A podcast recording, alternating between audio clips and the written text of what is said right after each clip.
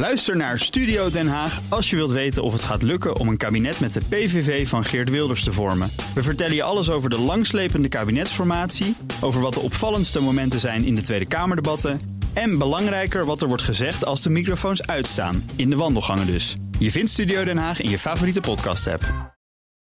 De Nationale Autoshow wordt mede mogelijk gemaakt door Leaseplan. BNR Nieuwsradio. BNR, de Nationale Autoshow. Meindert en Wouter. Welkom, dit is het beste van de Nationale Autoshow. Deze zomer hoor je onze leukste interviews en rijimpressies van het afgelopen seizoen nog een keertje terug. Straks Jeroen Mul, hij is coureur en testrijder bij Lamborghini.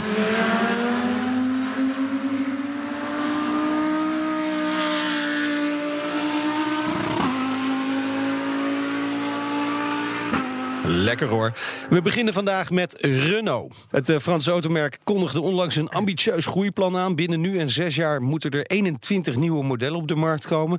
En dat moet resulteren in de verkoop van 5 miljoen auto's in 2022. 40% meer dan het nu is. Dat is best veel.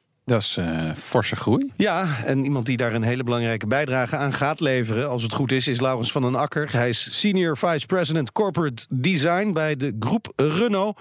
En daarmee verantwoordelijk voor het ontwerp van uh, modellen bij Renault, Dacia, Alpine en Renault Samsung Motors. We gaan tutoyeren, dat hebben we afgesproken. Welkom, leuk dat je er bent. Even dat rijtje van automerken, dat zijn er behoorlijk wat. Ik mis eentje eigenlijk. Lada. Ah. Is toch ook van jullie? Sinds kort is Lada ook van ons. En uh, daarmee uh, komt hij ook in de familie van Renault terecht. Maar daar ben ik nog niet voor, nog, nog niet, voor, nog voor niet. verantwoordelijk. Oh, Oké. Okay. Wil je dat wel? Nou, het is altijd leuk om wat afwisseling te hebben in het leven. Ja, maar en, Lada is wel, ik vind dat ook wel iconisch uh, nou, merk. Ja, precies. En Lada Niva is toch een uh, icoon. En het geeft mij een mooie smoes om ja. Moskou weer eens te bezoeken. Ah, dat is waar. Ja. Heb je zelf al een icoon getekend? Nou, weet je, een icoon ja, dat is een gewoon lastig een, mooie, een mooie binnenkomende ja, vraag. Is dat. Zo van, wat, ja, waar ben je het meest trots op is het dan eigenlijk? Nou, ik denk, ik denk een icoon teken je niet. Een icoon wordt het. Ja. Weet je wel? En een icoon wordt beslist door de, door de klanten die hem, en de fans en de, de mensen Ja. die, die hem een icoon maken. Dat doe je niet zelf. Dat Nee. beslis je niet van tevoren. Heel veel auto's die iconen zijn geworden, daar dachten ze echt niet van. Toen ze Nou, we gaan nu eens een van- icoon Ja, precies. Die Lada Niva. het zo Nee. makkelijk was.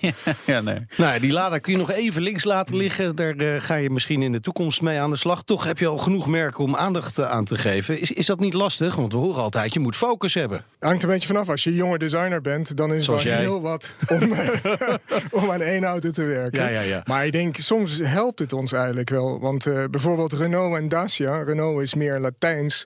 Dacia is meer Germanisch, zeg maar. Germanic, Ja. zo noemen we dat. Duits. En daarmee kunnen we eigenlijk zien wat we niet moeten doen. En daarmee creëren we twee merken die eh, een ander eh, veld bespreken. hoe zeg je dat? Eh, Bespelen, ja. bespelen. Ja. En dat is, eh, dan helpt het eigenlijk enorm. Welk merk is het meest uitdagend dan voor jou om, om, om mee bezig te zijn? Nou, ik denk in het begin dat was het natuurlijk Renault. Want Renault Ja. moest volledig opnieuw uitgevonden worden. Ja. En, eh, Ja, was het, was het zo'n drama? Viel het wel mee? Of, of, of, Nou, of, moest het gewoon anders? toen ik kwam, eh, mijn voorganger... heeft- 2009 heeft- kwam je daar? Tweede heeft daar 22 jaar gezeten. Eh, Renault zat een beetje aan het eind van zijn Latijn op designgebied. Ja. En ze wilden toch echt een nieuw hoofdstuk openslaan. En eh, dus daar, ze waren bereid om eh, met een wit blad te beginnen. Dus dat is natuurlijk wel een enorme spannende uitdaging... waar ik ook wel eens een nachtje niet van geslapen heb. ja, is dat echt letterlijk een nacht niet van geslapen? Eh, twee nachten. Twee nachten. ja, nee. En waarom lag je dan wakker? Wat maalde er door je hoofd? Nou, omdat, eh, kijk, in het begin als je binnenkomt als eh, buitenlandse ontwerper in een groot Frans bedrijf en Ja. ze hebben op je zitten wachten een aantal jaren, tot er, en dan denken ze nu, nu gebeurt er eindelijk wat, Ja. nu, gaat er, nu gaan we het beleven. Ja. En je weet dat het een paar jaar gaat duren voordat je producten op de weg staan, maar ondertussen ga je een team eh, van 500 man kijken naar je en die zeggen van, hé hey Laurens, waar gaat het naartoe?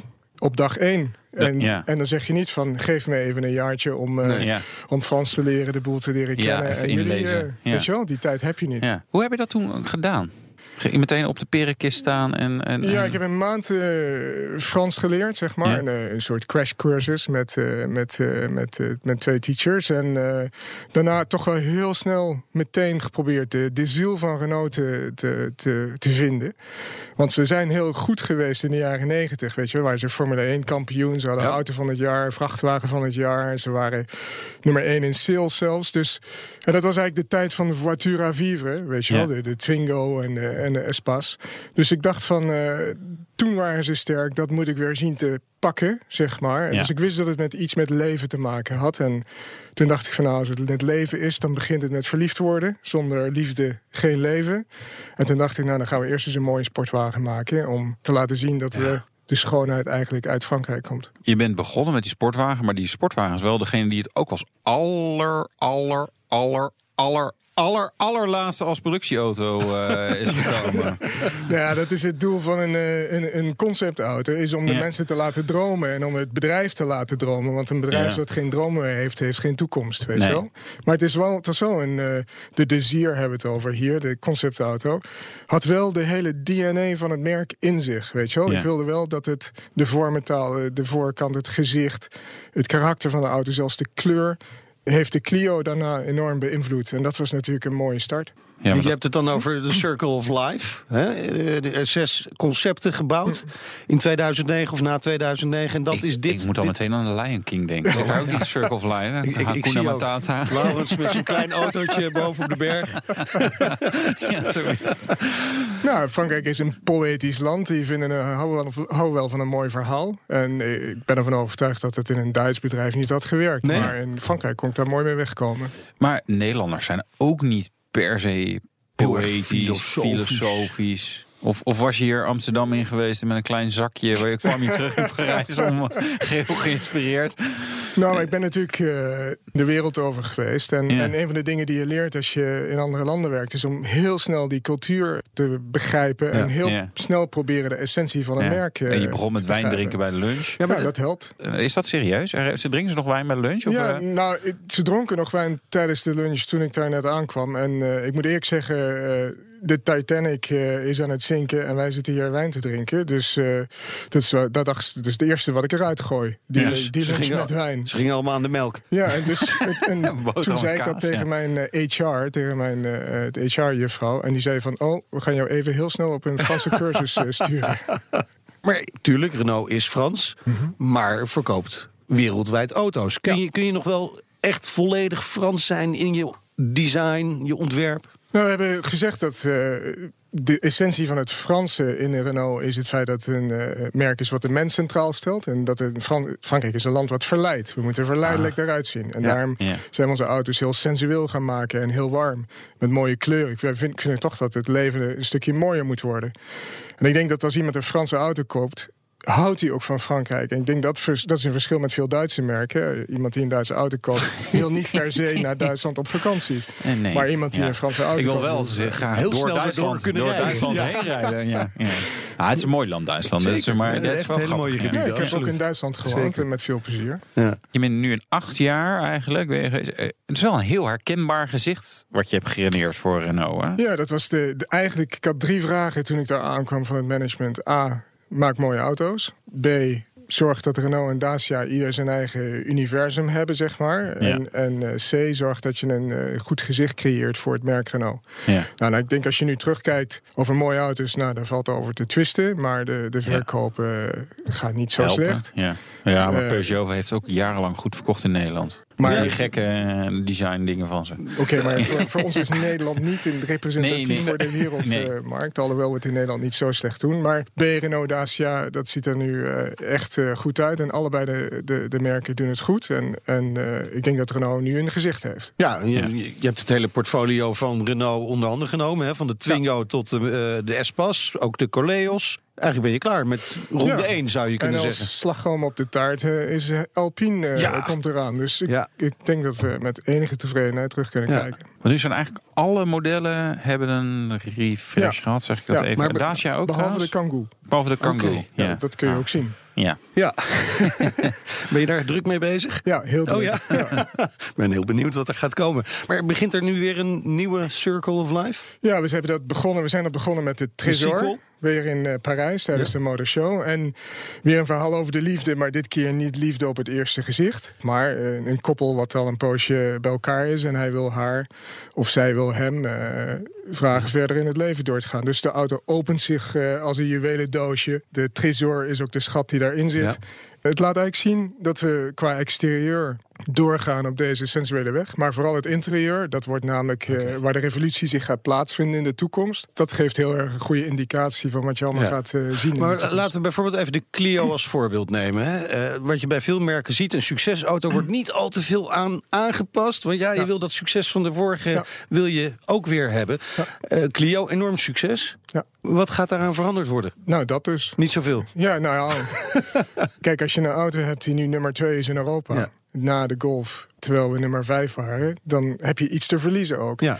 Dus eh, we zitten eigenlijk in een soort eh, luxe situatie dat we proberen vast te houden wat we goed hebben gedaan en de rest te verbeteren. Ja. En als we dan echt, eh voor de mensen die iets heel anders willen, nou dan doen we dat met een andere auto. Dat hoeft niet Ja, per se met de Clio. Nee, weet je wel? Kijk, de Clio heeft een grote stap gemaakt toen wij net begonnen in eh, 2012.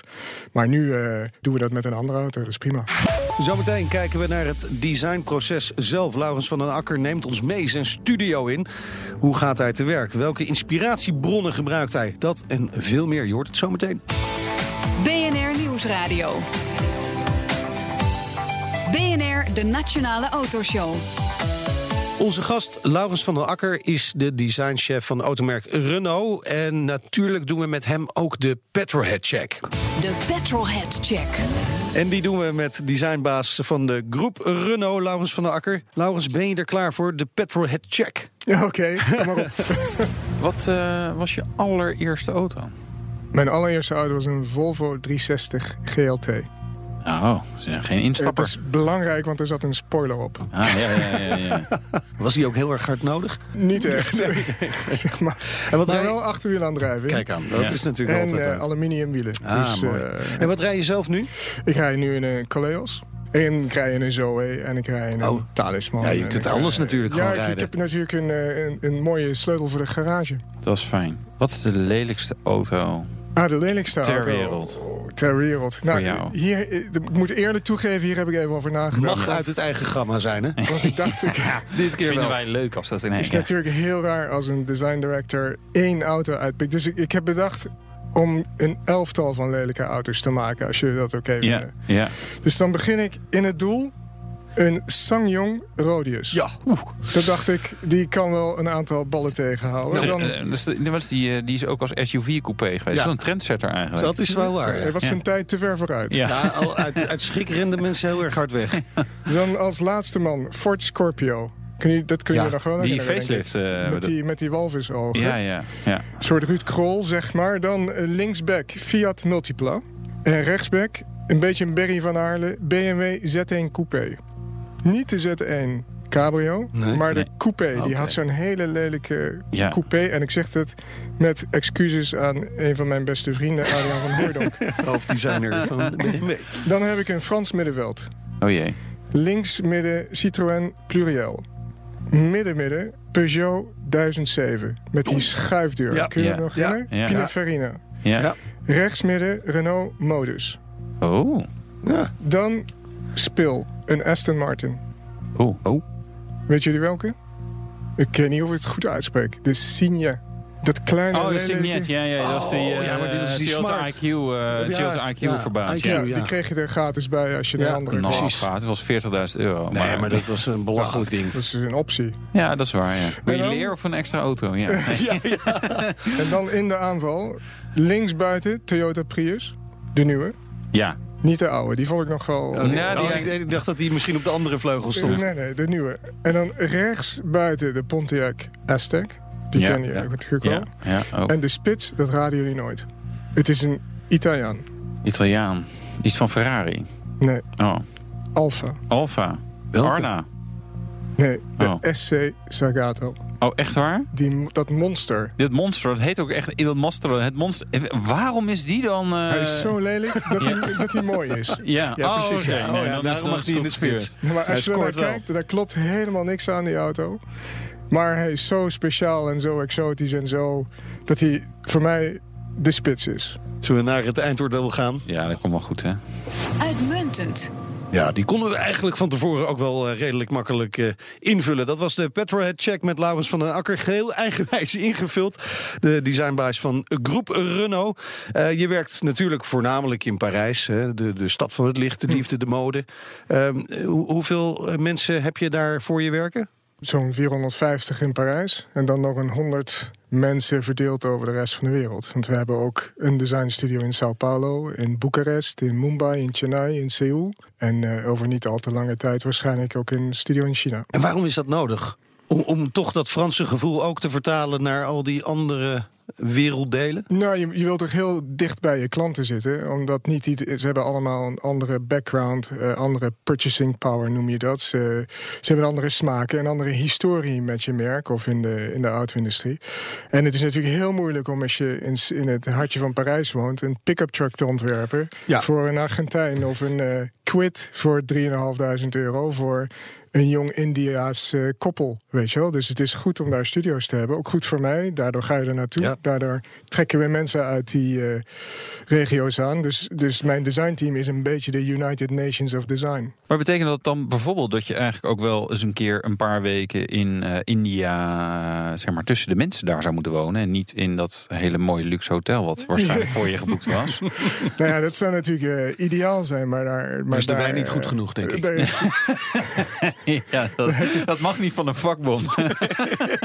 maar meestal, als we een nieuw land bezoeken... dan krijgen we een soort, eh, worden we ondergedompeld. Krijgen we even in een, vier uur tijd eh, een hele rits presentaties... die Ja. alles en niks vertellen over het land en de mensen en de gewoontes. En dat is natuurlijk wel ontzettend leuk om dan dat soort landen te bezoeken. Ja. Maar dan zeg je bijvoorbeeld, hè, de, de, een pick-up wordt dan in, in Brazilië bijvoorbeeld ontworpen. Maar is het niet juist heel erg leuk als ze ergens anders nou eens de opdracht krijgen om de Clio te gaan ontwikkelen? Ja, en dat doen we ook. We doen het ook omgekeerd. Dus ja. als we een nieuwe Clio maken of een nieuwe Megane... dan vragen we alle studio's om eh, voorstellen te doen. En we hebben dan ook eh, een network met eh, dezelfde computersystemen. Dus ze, ze sturen gewoon zeg maar een, hun voorstellen op... en we laten ze digitaal zien. En op die manier mogen de beste winnen. En wie het ook wint...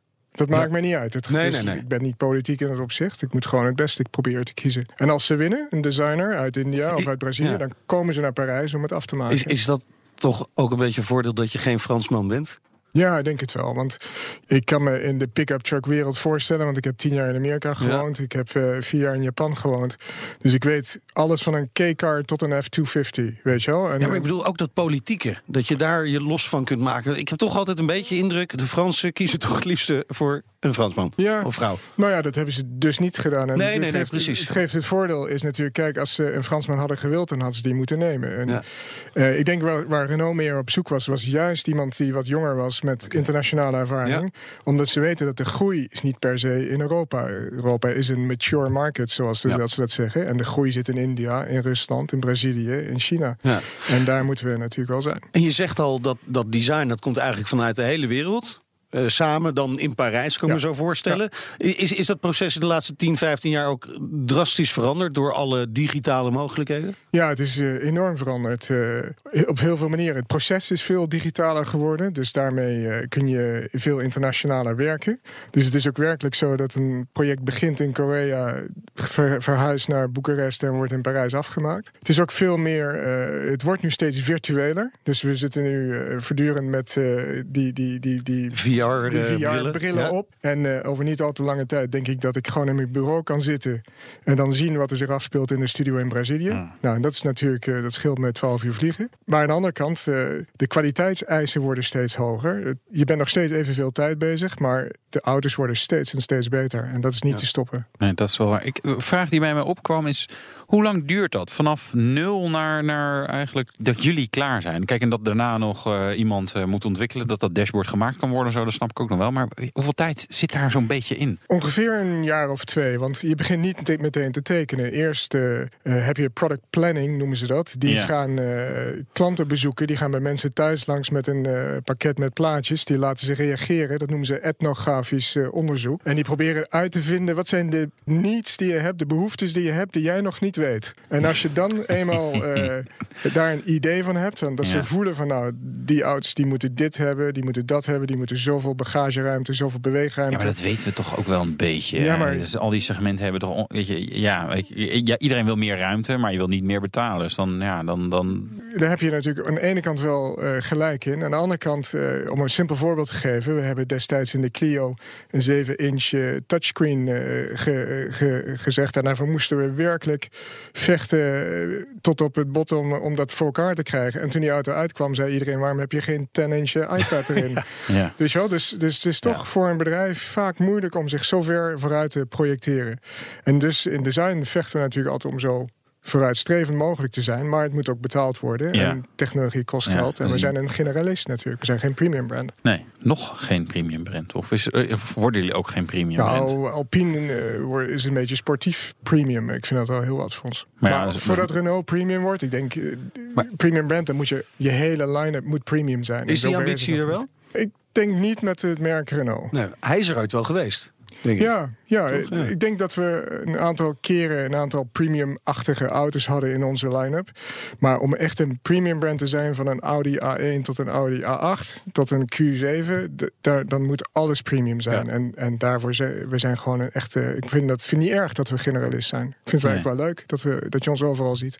Is dat moeilijker om auto's te ontwerpen voor een generalist dan voor een premium brand? Nou, ik denk het wel. Ja, vind ik wel. Waarom? In de premium markt zitten heel- veel codes. Omdat mensen die willen juist jouw merk. En die, hoe meer geld mensen hebben, hoe voorzichtiger ze worden met de investering. Dus Ja, dat moet wel goede kwaliteit. Ja, eh, ik, ik moet altijd denken aan de Rolex eh, Submariner. Ja, nee, maar echt iedereen loopt met dat horloge. Dus zou ik denk van, joh, je, je geeft weet ik veel, tussen de 5 en de 10 mil uit aan een horloge. En dan kan je toch ook gewoon iets anders kiezen. Is toch leuk? Ga je toch leuk zoeken? Ja, maar die Ja. mensen zijn niet voor niks Mensen zoeken rijk bevestiging. geworden. Ze zoeken, ze zoeken bevestiging, waarschijnlijk. Ja, Dat is misschien waarom jij nog niet rijk bent. eh, precies. ik heb helemaal geen Ik heb, horloge mijn, ik heb mijn Rolex thuis laten liggen. Speciaal voor Wouter. want Anders is het zo moeilijk voor hem. Eh, Groep Renault introduceert, zoals ik al zei, de komende zes jaar 21 nieuwe modellen. Hoeveel van die modellen zijn er in voorbereiding op dit moment? De helft. De helft. Ja, want we werken zo drie, vier, eh Dat vijf kan niet, jaar. hè, van de 21, de helft. Tien en een half, ja. Even bij de les blijven. Ja. Nee, dat, dat klopt. Wat me lastig lijkt, je hebt een heel duidelijk eh, familiegezicht. Met, met, en, en iedere auto die je, je hebt ontworpen en die op de markt kwam, was ook echt nou, een stap vooruit hè, over het algemeen. Ja, ja. Eh, vond ik mooier geworden, eh, als mijn persoonlijke mening. Maar nu, ja, denk ik, ja, dat wordt dan weer een, een beetje strak getrokken Clio. Maar we kennen het eigenlijk allemaal. Het, gaat het nog verrassen? Ja, ik denk wat het leuke wordt aan de, het volgende midterm plan, de MTP, is dat er, we een hoop auto's gaan maken. En dat gaan we niet doen op basis van bestaande auto's. Dat gaan we doen op basis van nieuwe platforms. En als je een nieuwe platform gaat maken, dan, dan heb je nieuwe proporties en dan wil je een nieuw gezicht. Dus ik denk dat dat heel erg interessant gaat worden. Dus inderdaad, een, een Clio wordt misschien eh, meer een Clio 5 dan een eh, Revolutie. Ja. Maar eh, een volledig nieuwe elektrische auto, daar, daar zijn geen regels voor. Dus dat wordt natuurlijk super interessant. En we zien iedereen nog meer SUV's maken. Ja, dat is een trend die eh, daar kun je tegen vechten, maar het heeft geen enkele zin. Het is een, eh, een groeimarkt. Ik denk dat het verschil is. De eerste SUV's die uitkwamen waren truck-based, dus die Ja. waren heel zwaar, die, waren, eh, die, die, die vervuilden alles en dit en dat. Maar tegenwoordig zijn ze allemaal unibody, ze zijn allemaal licht, ze rijden net zo zuinig bijna als een normale auto. Je krijgt veel auto voor je geld. Dus eh, ik kan me het ook wel voorstellen. Je ziet er gewoon jonger, sexier uit in een eh, SUV. Tot zover Laurens van der Akker, de designchef van Renault. Inmiddels is hij ook de ambassadeur van de Dutch Design Week geworden... die later dit jaar plaatsvindt in Eindhoven. En zometeen Jeroen Mul, coureur en testrijder bij Lamborghini. Tot zo. De Nationale Autoshow wordt mede mogelijk gemaakt door Leaseplan. BNR Nieuwsradio. BNR, de Nationale Autoshow. Meindert en Wouter. Welkom terug. Je luistert naar het beste van de Nationale Autoshow. Eerder dit seizoen spraken we met Jeroen Mul. Hij is al een aantal jaar coureur en testrijder bij Lamborghini. En wat ons betreft heeft hij dus de droombaan. Zo denkt hij er zelf ook wel over. Ja, klopt. Voor mij ook nog steeds absoluut een droom dat ik eh, dat ik nu op de plek zit waar ik, eh, waar ik zit. En dan ook nog eens hier bij jullie mag staan. Nou, dat is natuurlijk helemaal een droom. Ja, dan is, dan is Alles het leven compleet. compleet. ja. Precies. Ja, je vink. Jeroen, hoe ik, wij kennen elkaar wel, we komen elkaar regelmatig op de Lamborghini stand of op andere plekken tegen. Maar hoe ben jij daar terechtgekomen bij Lamborghini? Want ik bedoel, ik, weet je, als ik daar zou willen werken, zou ik niet eens weten hoe ik zou moeten beginnen. En grap- dat was bij jou waarschijnlijk ook zo.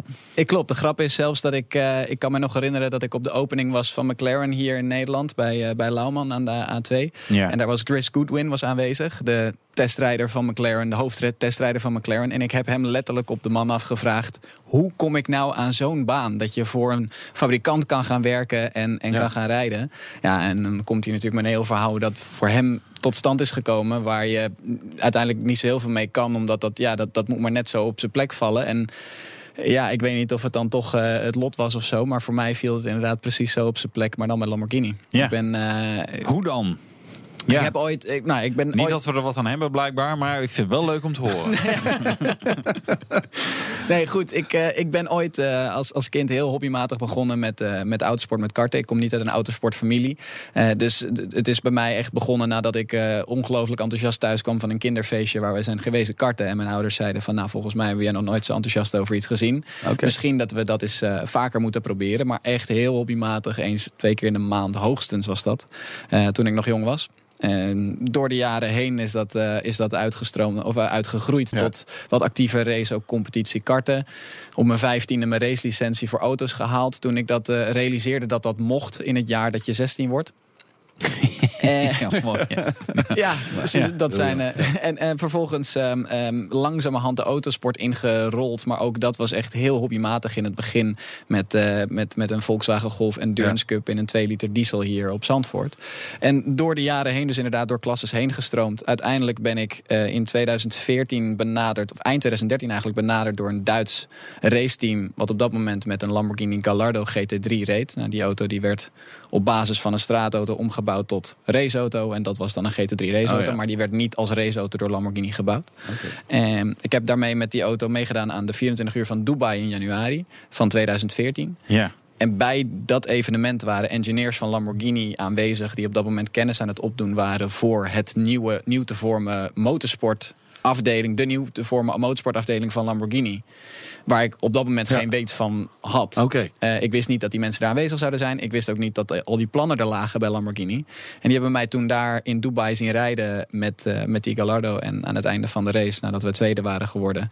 aan het eind van de 24 uur van Dubai zijn we, ben ik benaderd door een van die engineers... met de uitnodiging kom volgende maand eens bij ons praten in Santa Agata. Oh. Ja, inderdaad. Ja. Dus nou ja, goed. Een een maand later zat ik, eh, zat ik eh, aan tafel met eh, de, het nieuwe hoofd van Lamborghini Squadra Corse. De nieuwe motorsportafdeling van Automobili Lamborghini in Bologna. En heeft hij mij het hele plan wat Lamborghini had voor de nieuwe motorsportafdeling uitgelegd. En mij ehm, opgenomen in het Young Driver Development Wow, Program van Lamborghini. Wat cool. Maar hoe serieus was Lamborghini daarvoor? Want dit, dit zijn serieuze plannen die jij voorgeschoteld kreeg. Ja. Hoe, hoe serieus waren ze daarvoor met motorsport bezig? Niet Nee. Dat was, dat was het, eh, het hele ding. Lamborghini is ooit begonnen als straatautofabrikant. Als je naar een, con- een, een concurrent als Ferrari kijkt, Ja. die zijn begonnen met raceauto's en daarna straatauto's gaan bouwen. Bij Lamborghini is dat andersom gegaan. Maar eh, na 50 jaar waren de straatauto's van Lamborghini dusdanig goed dat ze inderdaad aan het concurreren waren met merken als Porsche, Ferrari en McLaren. Die wel een raceprogramma hebben Ja. in Ja. internationale GT-klasses eh, actief met elkaar eh, de strijd aangaan. En Lamborghini vond het met de introductie van de Huracan het juiste moment om die auto ook te gaan inzetten in internationale GT-race-series. Maar jij zat dus er vanaf het begin bij. Je hebt dat mede ontwikkeld. Moet ik dat, moet ik dat Ja. zo zien? Ja. Zeg jouw kindje. Ja, Ja. ja. klopt. Ja. Hoe, hoe heb ik, ben ik daar nou gekomen? Ja, het was echt de juiste plek, juiste tijd. Ja. Ik, ik kan Ja. daar verder ook. eh, Nee. ik, en ik heb op het juiste moment inderdaad het juiste kunnen laten zien. Ook. Ja, ja maar je bent, ja, ik, wat, wat ik wel grappig vind, wat heel erg spreekt uit jouw verhaal, is uit enthousiasme. Weet je, kinderfeestje, eh zelfkarten, hobby, weet je, je tijd instoppen. Ja, nou, en, ja, en, en als je enthousiast bent over iets, dan, ja, dan gebeuren er soms mooie dingen. Soms ook niet. En mijn, hebben we ook wel eens- dan denk ik, nou, ik ben er wel enthousiast over, maar het gebeurt toch niet. Ja. Maar Ja. dat is, wel, dat is Ja. natuurlijk wel inspirerend. Vind ik wel eh, gaaf. En we- Wat doe je dan allemaal bij uh, Lamborghini? Behalve hard, zeg maar, rijden. hard rijden en champagne drinken als je hebt gewonnen, dat soort dingen. Je hebt vast ook wel wat serieuze taken. Ja, nee, nee klopt. Um, wat je daarnet ook al zei, ik ben er vanaf het begin af aan bij geweest. Dus het allerbelangrijkste in eerste instantie was het ontwikkelen van de raceauto's die echt dan door Lamborghini werden gebouwd op basis van de Huracan, het V10-model van Lamborghini. Ja. Dus uh, uh, in dat eerste jaar zijn we druk bezig geweest met in eerste instantie de ontwikkeling van de Lamborghini Huracan Super Trofeo, de cup racer van Lamborghini zelf, die in drie continenten wereldwijd met dus een eigen kampioenschap waarin 25, 30 in sommige in het Europese kampioenschap zelfs 40 identieke Lamborghini ja. Huracan uh, super trofee's tegen elkaar racen. Dus het ontwikkelen van die raceauto. En daarna ook inderdaad het ontwikkelen van de Huracan GT3, waarmee ik nu zelf nog steeds actief ben. Dus de raceauto waarin wij internationaal in GT3 kampioenschappen de strijd aangaan tegen alle andere grote merken. Dus dat was, dat was in de basis in eerste instantie het meest serieuze deel van, van mijn activiteiten. Daarbij is op dit moment, dus uh, uh, bijna vier jaar later, mijn hoofdactiviteit nog steeds het racen met de Huracan GT3. Dit jaar in het, uh, in het Amerikaanse sportscar kampioenschap, de IMSA WeatherTech Sportscar Championship. Maar daarbij inderdaad ben ik ook instructeur bij de uh, rijtrainingen en rijbelevingen ja. van Lamborghini die we wereldwijd organiseren. Ja, dan zie ik af en toe uh, Instagram uh, in de, van de winter in de sneeuw met een afterdoor. Zo. Dat, dat is uh, ook wel leuk. Ja. Wat, wat, vind je leuker? Zelf racen toch nog altijd? Of is dat training geven ook wel... het is heel moeilijk om daar... Kijk, uiteindelijk is, is het racen. En wat ik persoonlijk zo leuk vind aan racen... is het gevoel van echt op de limiet rijden met zo'n auto. En dat je volledige controle hebt over zo'n machine. Ja. En inderdaad echt op, ja. het, op het allerscherpste randje um, aan het rijden bent. En dat, is, dat is hetgene wat mij ooit als kind inderdaad uh, enthousiast maakte in zo'n kart. En dat ja. is wat ik nog steeds heb, maar dan nu in een Lamborghini met 550 pk. in een iets grotere kart. Precies, ja. maar uh, ja, het, het, wat ik van die rijtrainingen, afgezien van het feit dat het natuurlijk compleet bizar is om met een Aventador S met 740 pk vol dwars door de sneeuw te gaan, ja. um, vind ik het heel erg gaaf om de reactie juist te zien van de klanten die wij daar hebben. En de, de we bieden echt een, een rijbeleving aan die uniek is. En de reactie van mensen die, nou, over het algemeen zijn Lamborghini-klanten toch best wel mensen die veel meemaken. Ja. Maar we weten het toch elke keer weer voor elkaar te krijgen om ook die mensen volledig versteld te laten staan van, uh, van wat we daar organiseren. Ja, dat is verwend publiek natuurlijk. Die, uh, ja. die, die doen alles. En, en dan kom jij met je rijtraining. Nou, we gaan slalommen en dan een keer hard remmen. Nee, het, het zit Daar meer in een wak. Een wak oppassen. uh, maar stel dat uh, Meijnert en ik een keer uh, leuke rijtraining ja. moeten doen. Wat zijn, wat zijn de opties? Hoe komen we ertussen? nou ja, goed. We, we, bieden met Lamborghini drie versies eigenlijk aan. We hebben de Esperienza. De Esperienza ja. is nou, het Italiaanse woord voor beleving, hè, experience. Ja. dat is echt gericht op mensen die zeer geïnteresseerd zijn in het kopen van zo'n auto. Maar eigenlijk we, nog we zijn keer... ook heel geïnteresseerd. Ja, dat geloof ik. Met... Ja, nee. en ik, uh, ja, ik heb eigenlijk een beetje een voorloper van, uh, van Gallardo. Audi TT is ook uh, vierwiel aangedreven Volkswagen product. Uh, oh. ja, Sportauto. Don't go there. Ja, Je hebt er nog, nog geen Lamborghini sticker achterop geplakt. nee, nee, nee, zo erg is het niet. Nee. Nee, Oké, okay, de Esperienza? Esperienza is dus echt een beleving voor mensen die interesse hebben zijn auto ja. te kopen. En in een Esperienza organiseren we eigenlijk de ultieme proefrit.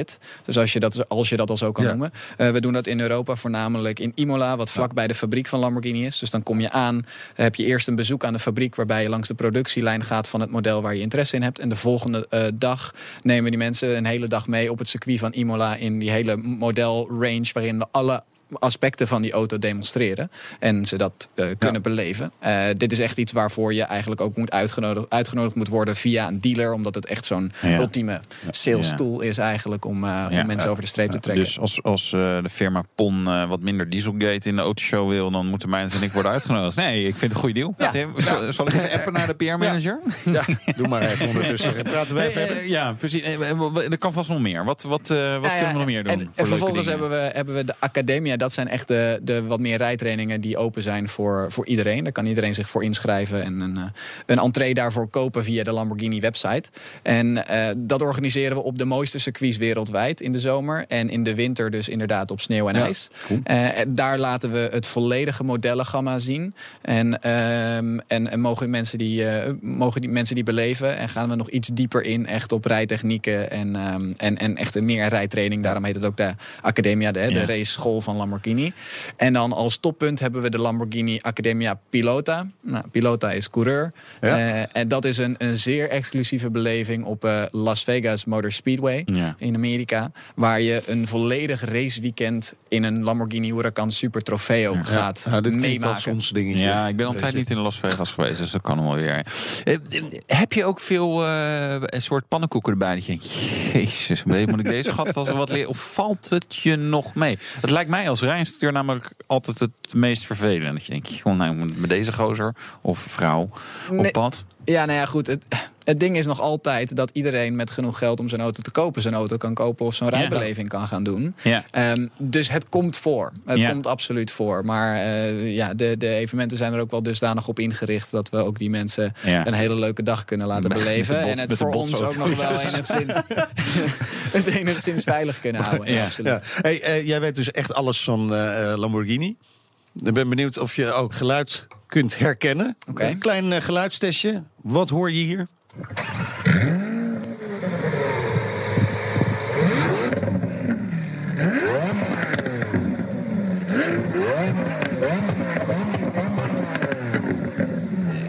je het al? Ja, dat, dit is toch het onmiskenbare geluid van de 6,5 liter V12 uit de Aventador. S. S. ja, dat verschil hoor je natuurlijk bijna niet. Nee, precies. Oké. Hij is fijn. Op, Hij is terug, fijn, hè? op terugschakelen hoor je dat als het goed is beter. Want Oké. de S knettert wat meer. Zometeen gaan we Jeroen Mul met Lamborghini ooit in de Formule 1 zien. BNR Nieuwsradio. BNR, de Nationale Autoshow. Dat betekent dat we gaan rijden. De rijimpressie. En dat doen we met een eh, Ferrari voor het hele gezin. Wouter test de GTC4 Lusso T. Ik snap het wel als jullie af en toe erg jaloers zijn op Meinert en mij. We allemaal leuke auto's rijden. En deze auto, ja, hier worden mensen echt hysterisch van. En dit verzin ik niet, maar echt buurmannen, buurjongens, buurvrouwen, wildvreemden, allemaal mensen komen toch gewoon even kijken. Want dit is niet zomaar een dure auto of een sportauto. Maar dit is een Ferrari. En het maakt dan blijkbaar ook weer niet zoveel uit wat voor soort Ferrari. Want ja, staan er gewoon allemaal bij te kijken. En ze weten toch ook allemaal wel. Dit is toch de Ferrari 4? Nee, dit is niet de Ferrari 4. Dit is de opvolger. En Ferrari heeft altijd wel iets met moeilijke namen. Dus deze naam is ook niet heel makkelijk of voor de hand liggend. Maar dat maakt niet uit. Het zijn Italianen die... Dat hoort ook bij de charme van het merk, vind ik. Hè. Is de GTC4 Lusso T. En die T, dat is een belangrijke toevoeging. Want dat betekent dat dit niet de V12 is met vierwielaandrijving. Maar dat dit wel de V8 is met twee turbo's. Eh, En dit is wat dat betreft echt een bijzondere Ferrari. Want dit is eh, volgens mij de enige en eerste Ferrari ooit die met twee verschillende motoren leverbaar is. Hè. Dat is echt atmosferische V12. eh, fantastisch natuurlijk. Maar voor in Nederland fiscaal vriendelijker. Nou ja, dat zal niet heel erg hebben meegewogen. Maar het is wel waar. Een V8 met turbo's die lagere uitstoot heeft. En qua prestaties, ik zal even een beetje terugschakelen.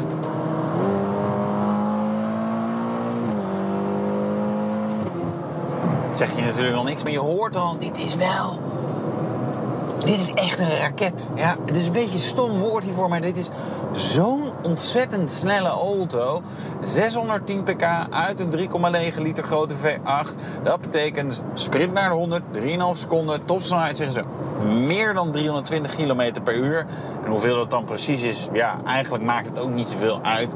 Want dat soort snelheden haal je zelfs in Duitsland eigenlijk zelden. Maar dit is echt een enorm snel apparaat. En tegelijkertijd een enorm praktische gezinsauto. Daar staat namelijk die 4 voor in de type aanduiding. Hè? GTC 4 Lusso T. Lusso betekent luxe in het Italiaans overigens.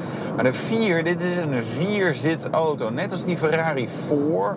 En dan denk je misschien, ja, ja, dat is dan zo'n heel klein achterbankje. Maar dat valt eigenlijk wel mee. Hier kun je redelijk met vier volwassenen in zitten, mocht je dat willen. Dan heb je ook nog een redelijke kofferbakruimte. redelijk. Ja, natuurlijk. Het is geen eh, SUV. En dan natuurlijk de hamvraag qua rijden. Ja, dit is een belevenis. Fantastisch. Het was het hele weekend dat ik de auto bij me had droog. En dan, dan kun je echt knijterhard bochten door, knijterhard weg accelereren. En dit is een versie met alleen maar achterwielaandrijving. En de, de V12 heeft dan ook nog freewheelaandrijving. Kan me voorstellen in de Nederlandse winters of in uh, Oostenrijkse of Italiaanse winter waar je wat sneeuw hebt, dat je dan toch erg graag die vierwielaandrijving hebt. Maar voor dit soort omstandigheden, dit is zo'n waanzinnig kanon. En zo'n feest om in te rijden. Ga ik nog één keer even terug.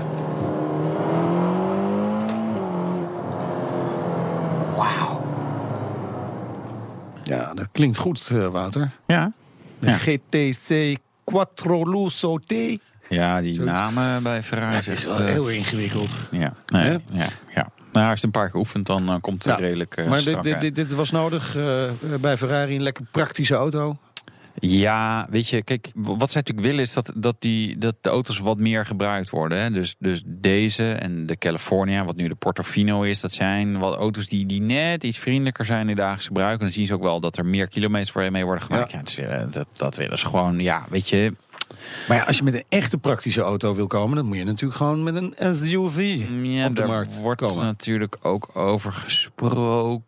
Uh, of dat echt komt. Ja, weet je, ik denk, het geld zit er natuurlijk wel. Hè. Je ziet ja. bij Porsche ook. Ja. Uh, maar aan de andere kant, ja, je breekt wel op een gegeven moment wel een beetje je merk af. Want het rijdt gewoon minder dan. Het is, het is nooit echt sportief. Nee, nee.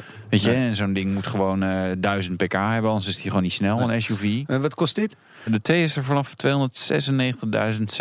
euro, zie ik mijn blaadje staan. Het zal wel ongeveer kloppen, denk ik. Ja, dat zal best wel. Is dat inclusief of exclusief uh, BPM? Uh, dat is inclusief, uh, maar de gemiddelde Ferrari-koper die vinkt nog wel wat opties in accessoires ja. dat gaat er meestal nog wel iets overheen over de prijs. Dan komen we bij het eindoordeel. Ja.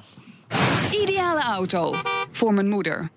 Ja, ik denk dat kan ik hem wel vaak lenen, maar heb ik niet uh, de lasten. Uh, ik leeg gewoon elke keer met een lege tank in, net als vroeger. Vroeger, uh, mijn moeder reed vroeger ook Italiaans, Fiat Panda. Oké. Okay. Dus net iets anders, maar wel een mooie upgrade. Dus vandaar dit eindoordeel. BNR Nieuwsradio. BNR, de Nationale Autoshow. En wij praten verder met Jeroen Mul. Hij is coureur bij Lamborghini en hij rijdt in de Huracan GT3. Dat klinkt dan dus zo als hij achter het stuur zit.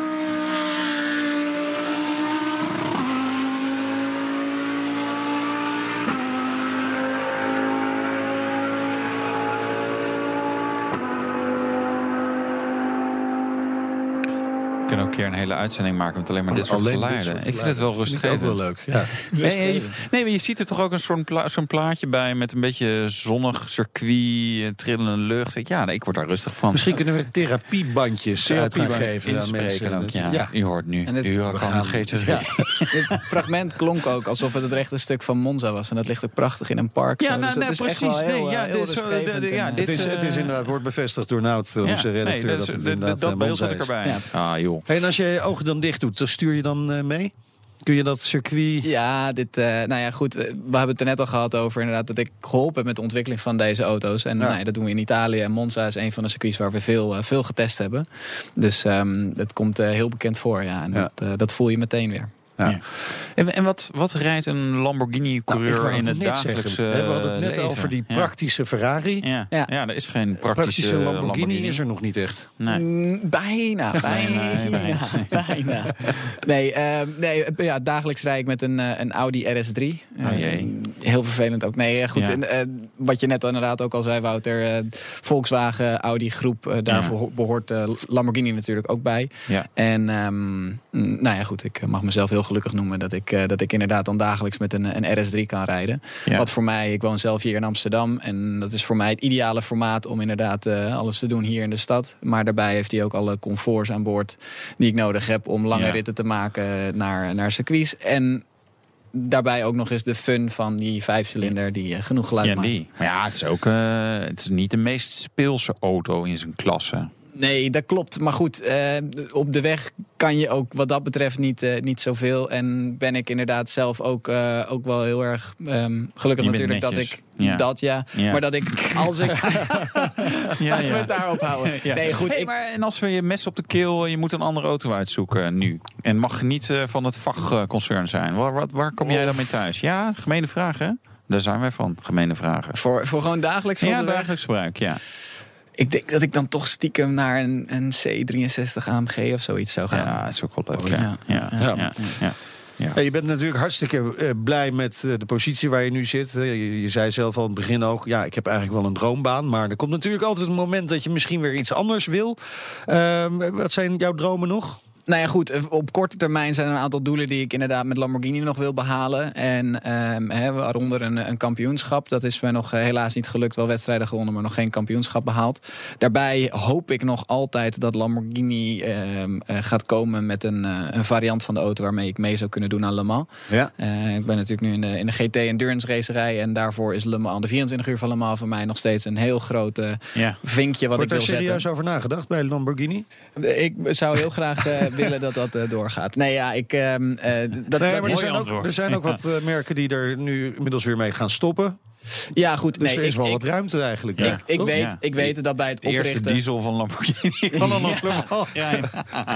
Nee, goed. Eerst een Bentley sticker en een Porsche sticker. Nou, nu hoppakee, uh, ja. Lambo sticker erop. Ja, misschien. Ja, nee, goed. nee. Ik, uh, ik, ik weet dat er, uh, dat er destijds dat dat wel een droom was of een doel was van veel mensen, ook bij Lamborghini, om dat met het motorsportafdeling te doen. Maar inderdaad, wat je zegt, er verandert zoveel in de, in de motorsport vandaag de dag. En als dat al zou gaan gebeuren, dan zou dat niet met een prototype zijn, neem ik aan, nee. aangezien dat nee. gewoon te ver ligt van. Ja, nee, dan gaan we echt, zeg maar, de straatauto, zeg maar, in, in dus die, ik haal dat al die klassen door elkaar bij Lamborghini. Ja, bij, nog in de GT-klasse van Le Mans zou je dat dan. Maar goed, het, nee, uh, je zei iets anders interessants trouwens, want je werkt bij Lamborghini, maar je woont hier in Amsterdam. Niet in Italië dus. Nee, klopt. Ja, mijn werkplek is op een circuit. En uh, daarvoor moet je iedere keer naar een ander circuit wereldwijd. Ja. En maakt het voor, uh, heeft het voor mij dus geen zin om in de buurt van Sant'Agata te gaan wonen. Nee. Uh, ik um, ben geboren hier in Amsterdam, opgegroeid in de buurt en woon hier nu, nu zelf. En ik, ik kan hier blijven. En Amsterdam Schiphol is wat dat betreft ook een van de beste hubs om vanaf te ja. vliegen, Europees en wereldwijd. Dus voor mij is het dit een prima thuisbasis. Ja, maar ben je echt echt zo veel op pad? Hoeveel dagen per jaar ben jij weg? Ongeveer? Ik denk dat ik echt wel 150 tot 200 dagen in het jaar op pad ben. Jeetje. Dus ja. Uh, ja. Maar wel met kerst wel thuis uh, voor, de, voor je ouders. Met kerst wel thuis. en over... er een race is. ja, ja, ook ja, niet altijd. En over het algemeen is de maand augustus is, is altijd vrij in Italië. Dan is alles gesloten en dicht. en mooi, nou, mooi. We gaan je volgen. Dank uh, voor je komst naar de studio. Heel veel succes, Jeroen Mul, coureur bij Lamborghini. En we eindigen gewoon hiermee omdat het kan.